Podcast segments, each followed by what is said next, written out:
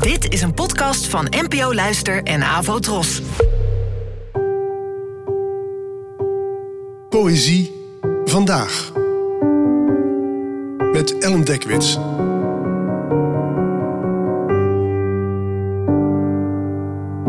Hallo, fijn dat je luistert.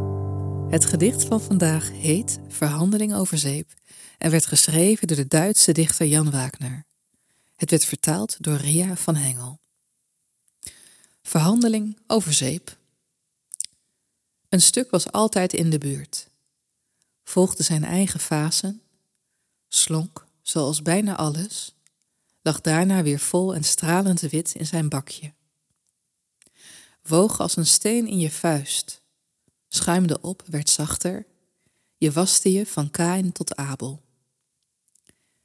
Eenmaal vergeten, verweerde de zeep tot een gebarsten asteroïdesplinter.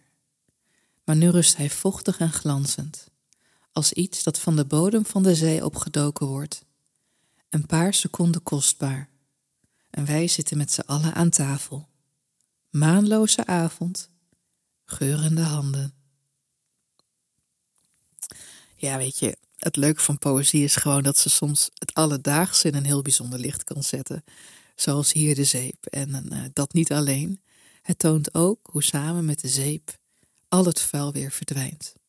Die zeep lost op, zodat wij weer voor de dag kunnen komen.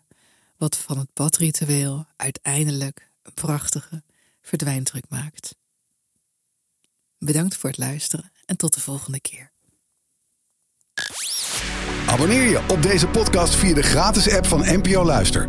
Daar vind je ook een handig overzicht van het complete podcastaanbod van de NPO.